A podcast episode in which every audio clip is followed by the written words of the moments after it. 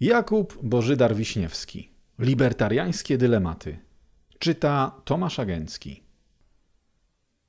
Przedmowa.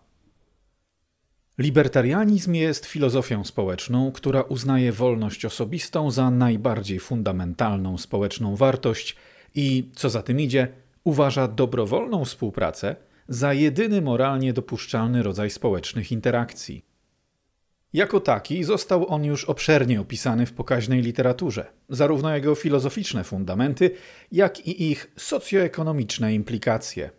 Od strony filozoficznej libertarianizm doczekał się rozwinięcia w formie utylitarnej, deontologicznej, opartej na etyce cnót instytucjonistycznej oraz różnych kombinacji tychże, a od strony socjoekonomicznej został on zastosowany do szerokiego zakresu problemów od opieki zdrowotnej i edukacji po zanieczyszczenia powietrza i ochronę środowiska.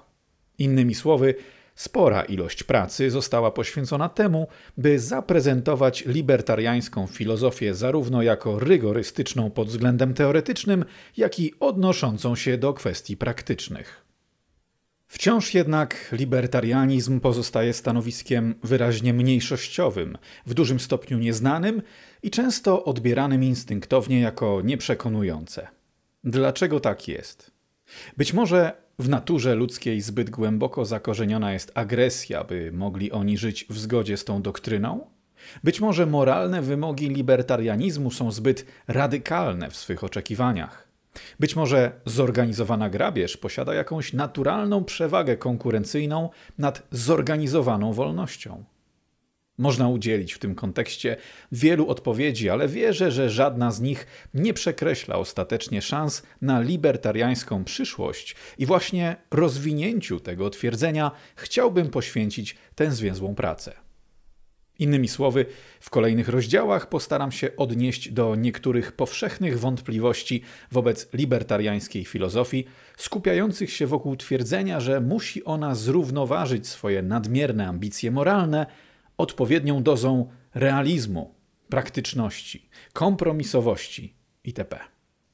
W tym kontekście odniosę się do szerokiej gamy tematów, od użyteczności zasad etycznych przez realność skutecznego interwencjonizmu po stabilność libertariańskiej anarchii.